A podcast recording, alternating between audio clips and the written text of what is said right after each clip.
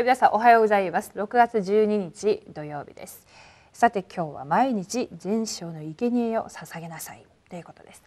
出エジプト記29章なんですが38節から46節となっていますが42から43読んでいきたいと思います。はいこれは主の前へ会見の天幕の入り口であなた方が世々にわたって絶やすことのない全章の生贄である。このところで私はあなた方に会いそのところであなたと語る。そのところで私はイスラエル人に会う。そこは私の栄光によって聖とされる。出エジプトをしたイスラエルの民は荒野での40年間苦しみの時間を経験しました。答えも遅ければ続く問題と敵からの危険は終わりがないように見えました。しかしこの間に神様は重要な全てを与えてくださいました。実会契約の箱幕や3つの祭りと十二部族まで契約と文化と生活に対する全てを備えるように働かれたのです。このような契約の前で私たちは私たちが毎日しなければならないことがあります。はい、私たちは救われたにもかかわらずですね救われた神の子供は全て答えられて祝福もどんどん来て本当に豊かな人生になれるはずだというふうに思ってきゃなんと逆にですねキリストを信じてもなかなかうまくいかない最近はもっとですねこのタラッパンをやってもなかなかうまくいかないとかいろんなことありますけれども実際本当にそれがそうなんでしょうか。神様は契約の神様ですから絶対に私たちにですね秘められたいろんな大いなる祝福を備えておいて私たちを導かれる神様であります。救われた民が本当に救われた民らしく生きていくために神様は実はですね辛い道を与えたりもしました。えー、本当に私たちが救われたらならばですね昨日の祈りの手帳にもありましたけれども私たちにある悪い習慣これを直さない限り世界福音化をすることは難しいです。結局現場で問題があるなと思ったら実は全て自分自身の問題だったりもするわけです。荒野の道のりで神様がイスラエルの民に与えられた苦しみではなく祝福そしていろんな契約を与えながら彼らを導いてくださいました。今日の一日の御言葉を通して私たちも今荒野のように見える人生でありますが実は神様がカナンを征服していく大きな祝福のものとして備えられているということが間違いありません。ではですねそのようなビジョンを描きながら今日の一番に入っていきたいと思います。はい大きな一番です。違う目を開かなければ。波乱に満ちたヨセフとモーセの人生は人が見た時には失敗した人生でしたが神様の立場で見ると祝福が備えられる時刻表でした。神の人は見る目が違わなければなりません。遠くから見て生涯のことを見て永遠な時刻表を待ち望むことができなければなりません。苦しみと問題はもしかしたら自分の生活習慣の問題であるかもしれません。現実の問題と悩みを見てその中に陥るのではなく福音を考えて福音によって現実を見ることができなければなりません。そのためには自分の生活の中に備えのパンをいつも用意しておかなければなりません。備えのパンは聖女の中に置いていたパンでした。備えのパンが自分の生活にあるという意味は命のための食物。すなわち御言葉が自分の生活の中にあるということを意味します。また闇と暗闇の問題を解決する光が自分の中に常にあるべきです。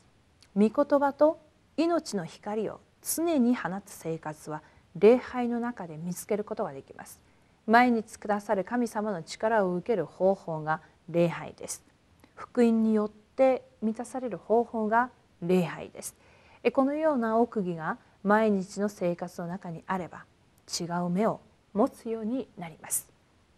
そうです。皆さんいろんな問題あるかもしれませんがヨセフのような人生ではないと思います。いろんなことがあると思いますがモーセのようなような問題ではないと思います。え皆さんは今ある意味その問題が相次いで起きている。悩みがなかなか終わらないという方はおそらく24時間の神様との会話が必要な方かもしれません。なのでですね皆さんに私は今備えのパンはあるか私は今霊的な生活は正しくされているかっていうことを一度考えてみましょ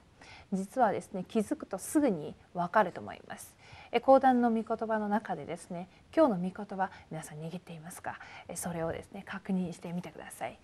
それではまた大きな2番に入ってみましょう。はい今。直ちに回復すること。福音の目を持っている神の人が今回復しなければならないことがあります。御言葉を握って祈ることです。危険にあった時に24時間神様に祈る人々がいる反面何も考えずに24時間思い煩う人々もいます。精霊の中で常時に祈ったパウロは契約を握ってどこでもどんな状況でも祈りの力を回復しました。神様の計画はイスラエルの民が神が神であることを悟ることでした。またエジプトと世界の国々があなたが贖いの主を悟ることでした。今日神様は私がこの事実を知ることを願われます。御言葉を握って祈る人に主は答えられます。はい。御言葉を握って祈る人に主は答えられる。ということなんですが当然神の契約の子供に神様は、え答えてくださるでしょう。だから私たちはどんな御言葉を握っているかが肝心です。皆さんが礼拝を通して礼拝を通して皆さん礼拝に成功しているならば必ず皆さんは御言葉を握っているはずです。御言葉を握りその御言葉を握って祈る。つまりその御言葉もどこに御言葉が望まれなければならないか。自分皆様の今日の伝道っていう皆様のスケジュールの中で衣食住いろんな問題もある。いろんな人間関係もある。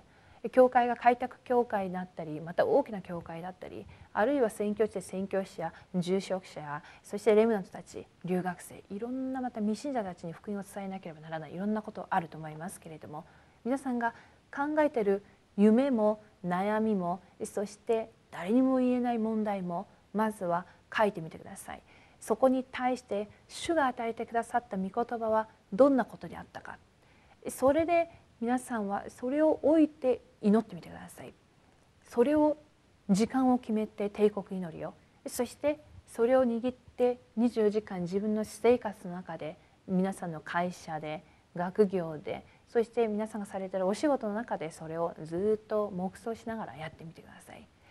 これが24時間皆様の祈りになっていくと思います。こうしていくことがですね生活の中で毎日私たちが主に全書の生贄として捧げていく生活だと思います。礼拝の中におられる主がまたその契約の中に祈りの中でまた神様は皆さんに語りかけようとしています。その耳にその神様の語りに耳を傾けてください。それが今日の礼拝であります。それが今日の祈りの手帳でまた今日の祈り今日の伝道今日の御言葉今日の祈りにつながっていきますがその中で主の、え神様の声を皆さんが確認してみてください、え、そうすることによって本当に皆さんがこの RUTC 時代の主役としてそしてローマ書16章の主役としてそのような大いなる祝福を受けるのではないかと思います。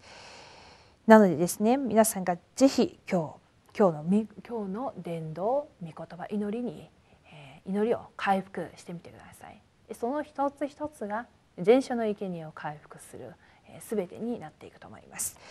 はいフォーラムの主題に入っていきます。全焼の生贄を捧げる礼拝者の生活を送っていますか？キリストの血が今日の自分と関係はありますか？もう一度御言葉と祈りの奥義を味わう礼拝の祝福を回復しましょう。では皆さんお祈りを通して今日の祈りの手帳を終わりにします。皆さん明日の礼拝にぜひ御言葉握ってください。皆さんの御言葉自分の御言葉をぜひ握って礼拝に成功してください。はい。愛の神様感謝します。今週も土曜日です。1週間主の御言葉の中で私たちを導いてくださり感謝します。神様に時代を生かし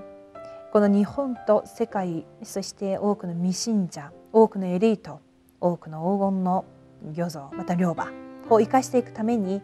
神様は私に最も良い神様の方法を与えてくださいました。神様今日の御言葉を握るようにさせてください。その御言葉を通して祈りながら主が本当に望んでおられる主の精霊の導きを私たちが受けることができますように。問題のある方は悩んでいる方病気のある方そして本当に霊的問題で苦しんでいる方今日全焼の生贄を回復することができますように全焼の生贄を捧げるために本当に備えのパンがあるかどうか確認するようにさせてください。本当に暗闇と戦ってその暗闇の問題を解決することのできる光が自分にあるかどうか確認させてください。主はすべてを完成されました。すべての祝福を私たちに与えてくださいました。これから伝道者の人生を送ることによって与えられた祝福が他人のものではなくそして他人の祝福を見物する見物人で終わることなく自分の個人のものになるようにさせてください。今日の伝道今日の御言葉今日の祈りこれを個人化して多くの世界を生かすことのできる私たちでありますように。そして明日を備えるように今日明日を準備するようにさせてください。そして明日の講談の御言葉を通して主がどのようにその問題に対して語りかけてくださるかを確認するようにお願いします。神様1週間も私たちを御言葉の中で導いてくださったことを感謝しながら全ての栄光を主に捧げます。感謝して主イエスキリストの皆によってお祈りします。アーメン。